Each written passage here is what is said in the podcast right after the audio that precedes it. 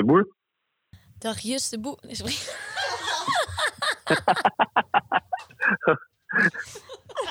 Hallo Just. dit, ga- dit is nog nooit zo snel fout gegaan. Oké, sorry, ik ga even. Welkom bij Koffiecode Podcast. De podcast voor en door geneeskundestudenten. Waarbij wij, gewapend met een kop koffie, voor jou op pad gaan om interviews af te nemen met de leukste, interessantste en meest inspirerende artsen van Nederland. Dit is Koffieco. Hey Ko, ja wat doe je daar? Er staat een carrière voor je klaar. Maar je weet nog niet wat en waar. Een cappuccino maakt het minder zwaar. Dus zet je volumeknop omhoog. Want je luistert Koffie Co en je weet het zo. Papa, papa, para, para, para. Welkom bij Koffiecode Podcast, de special. Wij zijn Doris Tessa. En Tiara. En in de special gaan wij in gesprek over vakoverstijgende onderwerpen. Op dit moment is Nederland in de ban van het coronavirus. De feiten en cijfers liegen er niet om. Er is veel aandacht voor en ook wij willen een aantal impressies met jullie delen. Vandaag interviewen wij anesthesioloog Dr. Just de Boer, werkzaam in het Rijnstaten ziekenhuis in Arnhem, om te praten over zijn vak in tijden van de COVID-19-uitbraak. Dr. de Boer, welkom. Dank je. Dank voor de uitnodiging. Ehm, voordat wij inhoudelijk op uw vak in kunnen gaan, moeten wij altijd één ding weten. En dat is, hoe drinkt u uw koffie? Zwart. Zwart. Ja. Dat is recht toe, recht aan. Ook hoe u het zegt. Geen twijfel over mogelijk. Eh, ik- koffie moet je gewoon proeven. En dat doe je natuurlijk het best door het eh, zonder suiker of melk eh, te proeven. Er wordt altijd over anesthesiologen gezegd dat ze veel koffie drinken. Klopt dat? Ja, ik drink wel veel koffie, ja. Ik ben ook een enorme koffiesnop, eigenlijk. Eh, want ik hou eigenlijk niet van de koffie die we in het ziekenhuis eh, aangeboden krijgen in de grote apparaten. Dus ik heb er ook voor gezorgd dat er op onze afdeling goede koffiezetapparaten zijn. Kijk eens aan. Dan kunnen we nu over naar eh, de orde van de dag en de reden dat we u bellen.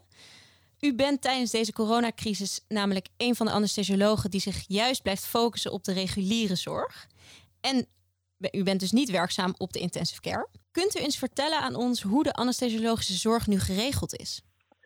In eh, Arnhem, in het Rijnstaten ziekenhuis, eh, bestaat onze vakgroep uit 24 eh, personen. Zes daarvan deden al voor een deel, zo rond de 70, 80 procent van hun eh, tijd, besteden ze op de eh, IC.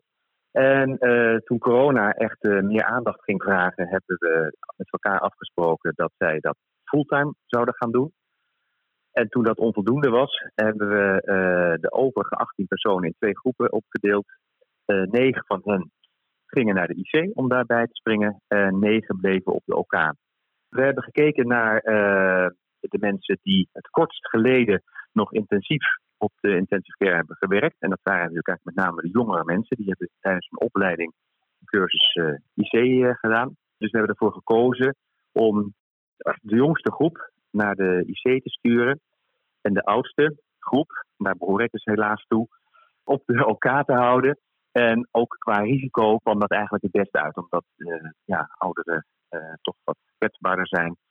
Had u, als het aan u had gelegen, ehm, op de IC willen werken tijdens deze crisis? Eh, ik had het wel leuk gevonden om eens weer iets anders te doen. Toen ik net klaar was met eh, de opleiding anesthesie, was de IC hoorde wat meer bij het vak dan dat nu het geval is. Ook de specialisering heeft in ons vak wel eh, toegeslagen. Dus je moet eigenlijk wel ervoor kiezen om dat bij te houden. Er is nog een hele aparte registratie voor. Je moet minimaal 60% van je werkzaamheden moet je op de IC doen. om intensivist te mogen blijven. Eh, Dus het vergt wel wat. dat, dat vergt wat voor je. En het had dus ook wel wat omscholing gevergd als u eh, op de IC had moeten werken. Ehm, ja, dat denk ik wel. Nou, is, het ligt ons vak natuurlijk wel heel dicht bij de, bij de intensive care. Tijdens de eh, operaties zijn we eigenlijk ook bezig met dezelfde dingen als waar de intensivisten op de IC mee bezig zijn. En dat is namelijk het in leven houden van de patiënt door hun vitale functies zoveel mogelijk te steunen. Dus wat dat betreft zitten we wel dicht bij elkaar. Absoluut. En u, u zorgt als anesthesioloog dat de normale zorg op de operatiekamer door kan gaan. Ehm, u noemde net al even dat die anders is dan voorheen. Hoe, hoe is die zorg nu anders, de reguliere zorg op de operatiekamer? Nou ja, sinds de uitbraak van corona is er wel wat veranderd. Voor de corona had je wel wachtlijsten, omdat we natuurlijk met name de acute zorg eerst willen doen en ingrepen die ook op relatief korte termijn kunnen, die moeten wat langer wachten. En mensen die aan iets geopereerd worden, wat helemaal geen acute zorg is, die moeten soms wel uh, twee, drie maanden wachten voordat ze geopereerd kunnen worden. En heeft u daar voorbeelden van? Welke operaties kunnen wachten? Ja, er zijn bijvoorbeeld uh, cosmetische ingrepen, die kunnen vaak wel wat langer wachten. En ook uh, bijvoorbeeld kaakoperaties, dat is ook voor een deel cosmetisch, maar ook wel om een betere functie te krijgen van het hele kaakgewricht. Maar dat heeft niet zoveel spoed dat dat binnen 1, 2 weken moet plaatsvinden. En welke operaties laten jullie bijvoorbeeld nu nog wel doorgaan? Toen dus de uh, tijd die we konden besteden op de OK uh, beperkt werd, hebben we afgesproken dat in eerste instantie alleen de categorie 1 zorg doorgang mocht vinden. En dat zijn mensen die levensbedreigende aandoeningen hebben. En dat zijn dan dus de oncologische zorg, dus de mensen die kanker hebben, werden nog geopereerd. Mensen die bijvoorbeeld een afstervend been hadden, werden aan hun bloedvaten geopereerd. Uh, en andere zorg rond de bevalling. Dat gaat natuurlijk ook gewoon door, dat kan je niet plannen. Maar dat, dat was het eigenlijk wel op het hoogtepunt van de coronadrukte. En hoe zit het dan, uh, dokter De Boer, met coronapatiënten? Stel een coronapatiënt uh, of iemand met verdenking corona, uh, bijvoorbeeld een lichte vorm, krijgt een appendicitis. Wordt hij dan geopereerd? Het meest lastige is eigenlijk om uh, patiënten te identificeren die corona hebben. Er zijn een aantal tests die je kan doen, waarvan de neus wat bekend is. Hè. Het lastige is dat die test die is niet 100% eh, gevoelig. Dus er zijn mensen die corona hebben die toch negatief testen. In de periode vlak voordat je ziekteverschijnselen krijgt, kan je al wel besmettelijk zijn. Ja, dus komt dat dan op neer dat die patiënt met die appendicitis dus toch wordt geopereerd? COVID is geen reden om iemand niet te opereren. Nou, als bekend is, door, door al eerder onderzoek dat een patiënt corona heeft, dan wordt hij uh, voor een levensreddende ingreep wel geopereerd. Dus dan, uh, als je echt ziek bent van je blinde darm, ja, dan kan je daar zo ziek van worden dat je daar kan, overlijden. En dan zal je daar wel aan geopereerd worden. Uh, dat heeft risico's, met name voor de patiënt, omdat patiënt die een blinde darmontsteking krijgt, die moet je narcose geven om geopereerd te kunnen worden. En die beademing die is heel ongunstig voor iemand die een virusinfectie heeft, wat met name op, op de longen slaat. Dus als je die patiënt als die een, andere aandoening heeft, waarbij je eventueel kan, uh, operatie kan uitstellen, één of twee weken, dan zal dat altijd verkozen worden. Heeft u al wel eens die keuze moeten maken? Nee, ik heb helemaal geen patiënten gezien waarvan we wisten dat hij COVID had. En dokter De Boer, u vertelde aan het begin dat veel operaties zijn verschoven of uitgesteld. Uh, zo kan ik me zo voorstellen dat uw baan als anesthesioloog op de OK een stuk minder ja, hoe kan ik het zeggen? Uh, interessant misschien is. Een stuk minder druk voor u. Misschien wel een stuk minder leuk. Hoe ervaart u dat? Uh, nou, we hebben het absoluut rustiger gehad dan uh, periode, hè, dan in een normale periode. Maar we hebben het werk ook moeten doen met minder collega's. Dus dat betekent eigenlijk per saldo, dus dat iedere anesthesioloog had een min of meer vergelijkbaar druk bestaan. En ehm, de operaties die wel doorgang vonden, dat waren eigenlijk allemaal operaties die ook echt door moesten gaan. Dus dat waren eigenlijk allemaal echt zieke patiënten uh, met serieuze aandoeningen die we dus toch moesten opereren. Spannende operaties, dus eigenlijk wel weer interessant werk voor u. Dus eigenlijk zeker niet minder interessant dan anders. En um, zijn jullie bang voor een bepaalde piek van operaties? Dus als dit allemaal weer een beetje gaat liggen, dat er toch wel heel veel patiënten toch ineens wel weer die operaties moeten krijgen. Hoe gaan jullie dat opvangen? Ja, dat is een goede vraag. Uh, en daar zijn we achter de schermen uh, met een grote groep mensen wel mee bezig hoe we dat moeten doen. Uh, want er is inderdaad nu een pool ontstaan van mensen die wachten op een operatie, die dus weliswaar uitgesteld had kunnen worden. maar dat moet niet eindeloos uitgesteld worden. En je merkt dat toen corona net uh, in zijn, uh, zijn hoogtepunt had, dat mensen ook angst hadden om naar het ziekenhuis te komen. En nu het iets beter lijkt te gaan, mensen minder angst hebben om naar het ziekenhuis te gaan om toch die operatie te krijgen. Je zegt overleggen. Zijn er ook concrete dingen die jullie kunnen, hierover kunnen vertellen? Hoe jullie dit gaan opvangen? Ja, nou, we zijn al aan het uh, opschalen. Uh, met opschalen bedoelen we dat we het aantal operatiekamers wat beschikbaar is voor operaties, dat wordt langzaam uitgebreid. Ook omdat met name het uh, personeel dat op de operatiekamers werkt, zoals de operatieassistenten en anesthesiemedewerkers, nog voor een deel werken op de intensive care, gaat dat mondjesmaat. Maar ja, we zijn wel bezig met de categorie 2 patiënten te doen. En categorie 2 patiënten, dat zijn mensen die hebben een aandoening, die dus wel even uitgesteld kan worden. Hè. Een week of 6, 7 is geen probleem. Maar liever niet langer dan bijvoorbeeld drie maanden. En dan moet je denken aan een aandoening, bijvoorbeeld uh, cholesteatoom van het oor, waarbij je uiteindelijk verhoorverlies uh, kan gaan krijgen. En zo zijn er wel meer dingen die nou, weliswaar kortdurend uitgesteld kunnen worden, maar waarbij je dat niet maanden wil uitstellen. En daar zijn we nu met name mee bezig. En mijn vraag om even terug te schakelen naar de, naar de COVID-situatie. U werkt, bent zelf daar niet werkzaam op. Maar wat ziet u nou bij uw collega's die wel ehm, ja, dagelijks geconfronteerd worden met ja, het, het verzorgen van uh, COVID-patiënten? Um, ja, dat is, dat is toch een andere tak van sport. Wij hebben op de operatiekamers natuurlijk veel patiënten die we zien gedurende een korte periode. En dan gaan ze toch met naar de afdeling terug. En dan zijn we het contact kwijt. Op de IC uh, liggen patiënten en COVID-patiënten die liggen vaak wel twee, drie, soms vier weken. Omdat het toch een hardnekkige pneumonie is die mensen erbij krijgen. Uh, die niet alleen de long aandoet. Dus ja, de pneumonie doet natuurlijk nou de long aan. Maar het hele lichaam wordt ziek en steeds meer organen krijgen het moeilijk. Dus die, uh, die ziekteperiode op de IC is dan vrij langdurig. Ja, en dan zie je dus uh, ja, wat langer dezelfde patiënten. En dan is het natuurlijk ook emotioneler als het op een gegeven moment niet goed gaat. ja, we weten natuurlijk ook dat een kwart van de patiënten die op de IC terechtkomen het niet halen en dus overlijden. Dus ja, dat is toch heftig. Ja, dat lijkt me ook. En um, dokter Boer, ook al werkt u dus zelf op dit moment niet op de intensive care. U bent natuurlijk anesthesioloog en u heeft alle kennis van dien. En wij zijn natuurlijk geneeskundestudenten.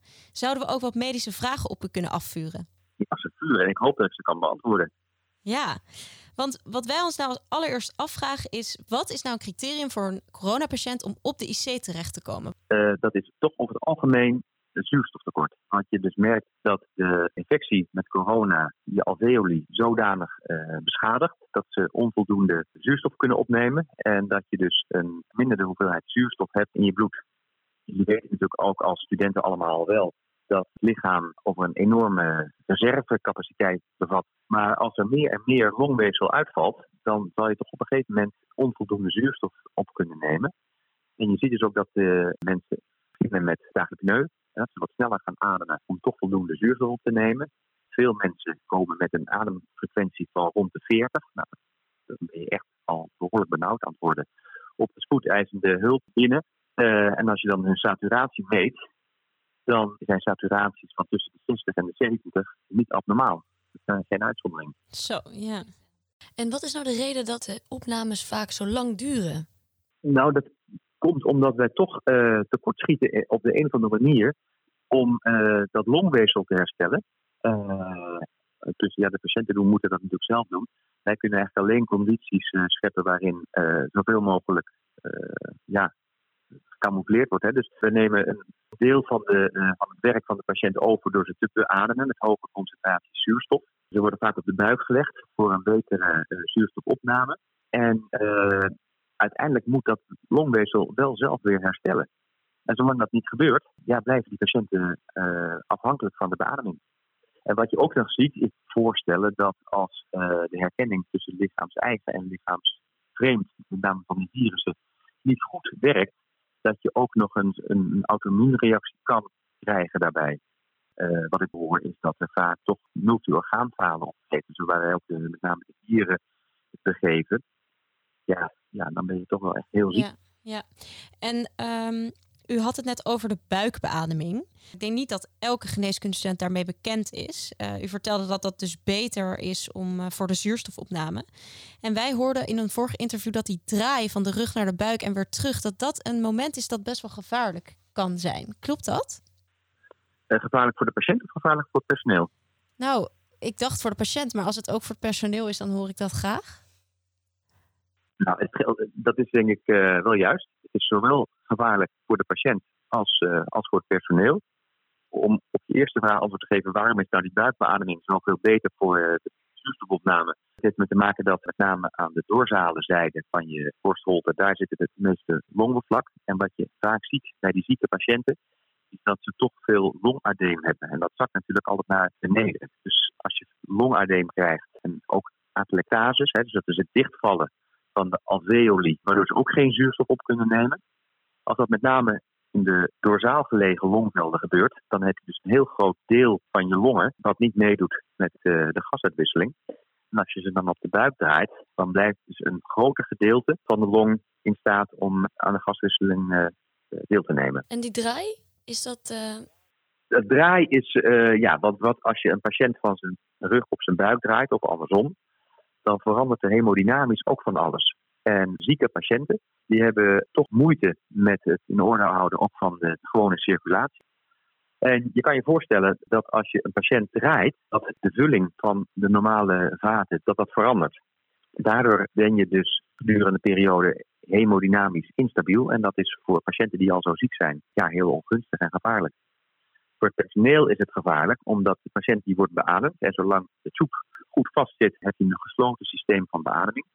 Maar je kan je natuurlijk voorstellen dat als zo'n patiënt gedraaid moet worden, zo'n slang los kan schieten, of misschien moet het zelfs wel eventjes los. Ja, en op dat moment komen er uh, ja, vochtige deeltjes, hè, de aerosolen, vrij. En met name die aerosolen uit de luchtwegen, dat is met name de plek waar we denken dat de meeste virussen zitten. U heeft al onze vragen bijna tekstboek zo goed beantwoord en met medisch onderbouwde kennis. Dus heel erg bedankt daarvoor. Dat waren eigenlijk wel de medische vragen. Um, eigenlijk uh, omwille van de tijd, want we hebben u nog hartstikke veel andere vragen te stellen, um, moeten we helaas gaan afsluiten. En dan eindigen we eigenlijk altijd met een laatste tip voor jonge dokters. Mag van alles zijn. Heeft u een mooie laatste tip? Um, mijn tip is om, um, ik zie namelijk dat de laatste jaren het vak, eigenlijk van alle vakken, uh, voor zover ik kan zien, zo serieus geworden zijn. En natuurlijk hebben we ook een heel serieus vak. Maar soms mis ik een klein beetje de luchtigheid die we vroeger wel hadden. Dus ik wou iedereen die medicijnen studeert tip geven om soms ook ruimte te hebben voor humor en uh, plezier. Uh, alleen op die manier hou je het uh, vol en hou je ook plezier in je, in je vak. Wat leuk. U past hem zelf ook toe op uw eigen, op uw eigen leven, merk ik. Ja, we zitten, iedere dag ga ik nog steeds met plezier naar mijn werk. En dat is met name omdat we het op de operatiekamers uh, in ieder geval in het Rijnstaat, het ziekenhuis, heel gezellig hebben, uh, grappen maken. De chirurgen worden goed geplaagd door mij en af en toe proberen ze mij ook uh, een beetje te plagen. En dat maakt het leven heel leuk. Mooi, u houdt ze met beide benen op de grond. nou, heel erg bedankt. Graag gedaan. Wat vond u er zelf van? Ik vond het erg leuk en ik hoop dat de twee luisteraars het toch een beetje interessant vonden wat ik te vertellen had. Dan um, sluiten we het interview hierbij af. Ontzettend bedankt voor okay. het interview. Dankjewel. Beste luisteraars, bedankt voor het luisteren naar deze bijzondere aflevering van Koffiecode Podcast. Als medische podcast willen ook wij benadrukken dat de maatregelen omtrent corona heel serieus genomen moeten worden. Dus stay at home en blijf in verbinding met elkaar door te luisteren naar onze podcast, ons te volgen op onze social media kanalen en jullie verhalen in te sturen. Dankjewel.